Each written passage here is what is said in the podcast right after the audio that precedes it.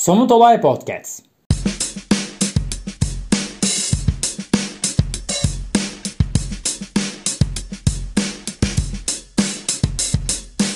Herkese merhaba.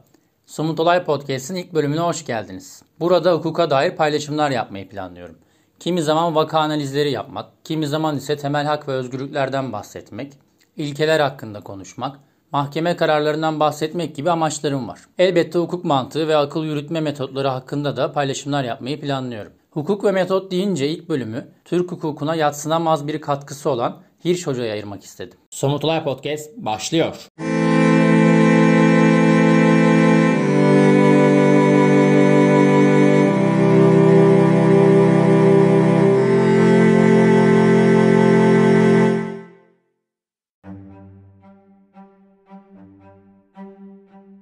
Her hukuki ödevin çözümü fikir emeği ister.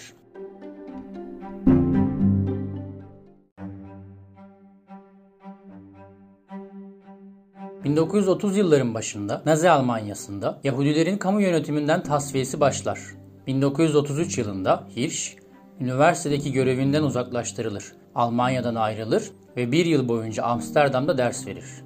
Kendisine yapılan daveti kabul ederek 1933 Ekim'inde Cenevre'de sözleşmeyi imzalar ve izleyen 20 yıl boyunca Türkiye'de ders verir.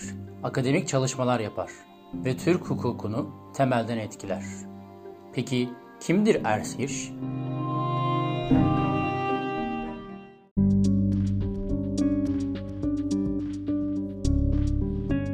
20. yüzyılın başında dünyanın hızla savaşa sürüklendiği bir zamanda yaşama gözlerini açan Hirsch, hukuk eğitimini Almanya'da tamamlamış, yargıçlık da yapmış bir akademisyen. Ancak Nazi Almanyası nedeniyle Almanya'dan ayrılmak durumunda kalmıştır. Aynı dönemde de genç cumhuriyet Nazi Almanyası'ndan kaçan bilim insanlarına davet göndermektedir. Ve Hirsch kendisini bir anda İstanbul'da bulur. İstanbul Üniversitesi'nde çalıştığı dönemde ticaret hukuku üzerine dersler verir. İlk olarak derslerini çevirmen aracılığıyla vermektedir. Ancak yapılan anlaşma gereği belirli bir süre sonrasında Türkçe ders vermeye başlaması beklenmektedir. 3 yıl gibi kısa bir sürede Hirsch Türkçe öğrenmiş ve hatta Türkçe hukuk dersleri verebilecek seviyeye gelmiştir. 1943 yılında İstanbul Üniversitesi'nden Ankara Üniversitesi'ne geçer ve 1952 yılında Türkiye'den ayrılır. Akademik hayatına Berlin'de devam eder. Hirsch kısa bir sürede gerçekten kısa bir sürede Türkçe öğrenir. 1943 yılında ise Türk vatandaşı olur ve Ernest Hirsch olarak nüfusa kaydedilir. Aktarıldığı üzere Kadıköy Nüfus Dairesi'ne kayıt olur. Türk vatandaşı olmasına ilişkin şöyle ilginç bir anekdot paylaşılmaktadır. 1943 öncesi Hirsch yabancı akademisyen kadrosundadır ve kıyasla yüksek bir maaş almaktadır. Ancak 1943'ten sonra maaşı düşer. Bu durumun nedeni olarak ise şunu söylerler. Artık sen Türk vatandaşı oldun. Kadron değişti ve buna göre maaş alacaksın. Sayısız hukukçuyu yetiştiren hocaların hocası Ernest Hirsch, Türk Ticaret Kanunu yazımında büyük katkılar sunmuştur. Hukuk felsefesinden hukuk sosyolojisine, fikri haklardan ticaret hukukuna birçok farklı alanda Türkçe eserler vermiştir. Anılarım adlı eserinde Kaiser dönemi, Weimar Cumhuriyeti ve Atatürk ülkesi diye üç farklı dönemden bahsederek tarihe ışık tutmuştur. Türk hukukunda her zaman eksik kalan bir nokta vardır. Metodoloji. Metot üzerine halen daha pek fazla çalışma bulunmamakta. Metodolojisini geliştirmekte güçlük çeken bir hukuk sisteminin büyük bir çelişkiyi barındırdığı açık. Ancak yaptığı tüm katkıların dışında Hirsch, Türk hukukuna ve Türk Hukuk Akademisi'ne metot getirmiştir. Hukuk biliminin işleyişi üzerine makaleler yazmış, akademide de metodoloji üzerine dersler vermiş ve ayrıca Pratik Hukukta Metod adlı kitabı kaleme almıştır. İşte bu kitap ile Hirsch bir hukuki vakaya nasıl yaklaşılması gerektiğini adeta ilmek ilmek işlemiştir bu kitabı tüm hukukçulara önermektedir. İş gerçekten de hukuki analizin nasıl yapılması gerektiğini çok yalın ifadelerle anlatıyor bu kitapta. Şimdi biraz kitaptan ve metodolojiden bahsedelim. İyi bir avukat dürüsttür. O müvekkillerine kazanılabilir bir davaları olup olmadığını tereddütsüz bir dille söyler. Eğer davanın sonucu hakkında bazı şüphe ve tereddütleri varsa bunları zikretmekten çekinmez. Bir hukuk davasının niteliği gereği çeşitli olasılıklar taşıyabileceğini bildiği için hiçbir uyuşmazlıkla sonuçları asla garanti etmez.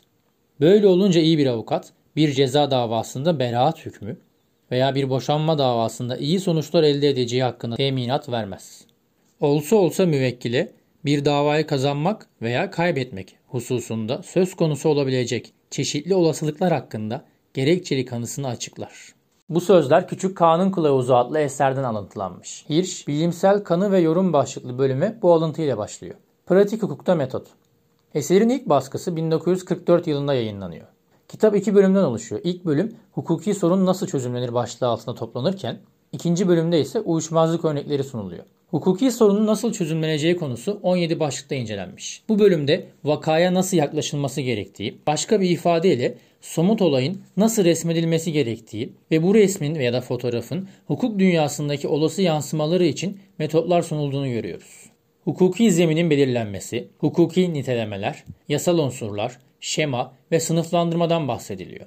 Bir problemin nasıl ele alınacağı ve problemin analizi için çalışma yöntemlerinden bahisle genç hukukçular için yol gösterici tavsiyelerde bulunuyor kitapta.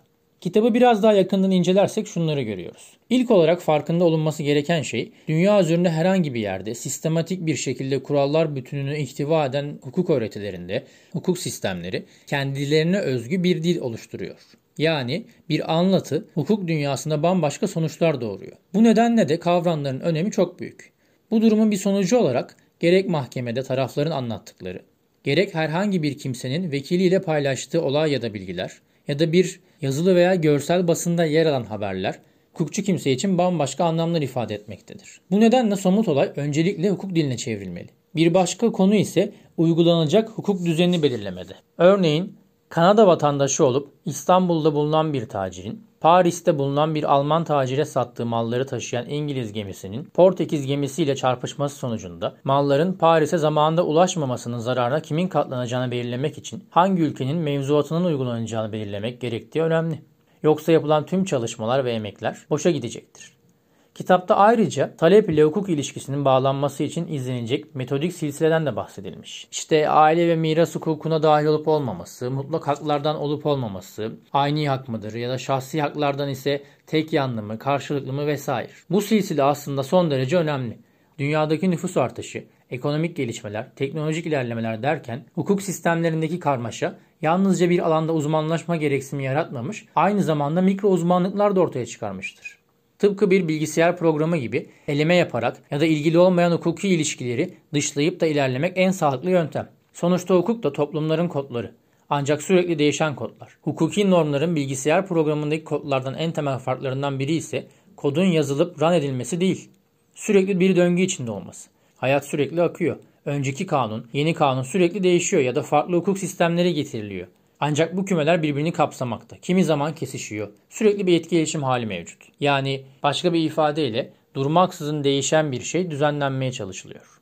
Hukuk bilgisini metodik olarak uygulamayı öğrenmeyen hukukçu, bütün hukuk kitaplarını bitirmiş, ezberlemiş olsa dahi hukukçu sayılmaz, diyor hiç kitapta. Kitapta ayrıca hukuk muhakemesine ilişkin metotlardan bahisle hukuk mesleğinin layıkıyla icrası için tavsiye ve öneriler de bulunmakta. Örneğin dava ve cevap dilekçeleriyle kararlarda asgari 3 unsura riayetin şart olduğu belirtilmiş. Bunlar tümlük, kısalık, açıklık. Tümlük ile ifade edilen olay ve hukuk malzemesinin eksiksiz olarak incelenmesi. Kısalık ise uyuşmazlığın özünü aydınlatan noktalar dışında kalan hususlardan bahsedilmemesi. Açıklık elbette ki herhangi bir muğlakla yer verilmemesi anlamını taşıyor. Kitapta dilekçelerin önemine ilişkin bir kararda geçen açıklamalarda yer verilmiş. İstanbul Barosu dergisinin 1975 Mayıs-Haziran ayı sayısında yer verilen Yargıtay 1. Hukuk Dairesi'nin kararında şöyle denmekte. Dava dilekçesi davanın alın yazısıdır. Böyle olmasına rağmen bu dilekçeler memleketimizde meslek adamları olan avukatlar tarafından bile gerekli dikkat gösterilmeden adeta rastgele yazılır. İnkarına olanak bulunmayan bu gerçek karşısında çok defa mahkemeler veya yargıtay daireleri tarafından sözlü veya yazılı açıklamalarını asıl maksatlarına ve isteklerine uygun düşecek şekilde yorumlamak suretiyle uyuşmazlığı rayına oturtmak zorunda kalırlar. Her hukuki ödevin çözümü fikir emeği ister diyen Hirsch, kitapta ayrıca bir çalışma planı da sunmaktadır. Buna göre çalışma planı öncelikle ikiye ayrılmaktadır. Perception ve Production. Perception aşaması incelenecek uyuşmazlığın çözümü için bilgi edinilmesi, Production aşaması ise edinilen bilgi yükünün uyuşmazlığın çözümü için uygulanmasıdır. Son olarak ise kitapta Türk hukuk dünyasının kanayan yarası olan dil tekniğinden bahsedilmekte. Bu hususta gerek dil tekniğindeki zayıflık, gerek ise iktibas edilen kanunların çevrelerindeki zayıflık üzerinde durulmuştur. Çevirilerdeki zayıflık çevirmenin ana dilindeki zayıflığından hem de çevrilen kanundaki dil tekniği zayıflığından kaynaklanmakta. Tabi bu durumun doğal sonucu olarak da hukuk sistemi içerisinde belirsizlikler artmakta olup kimi zaman da hukuki yorumlarda hataya düşülmekte.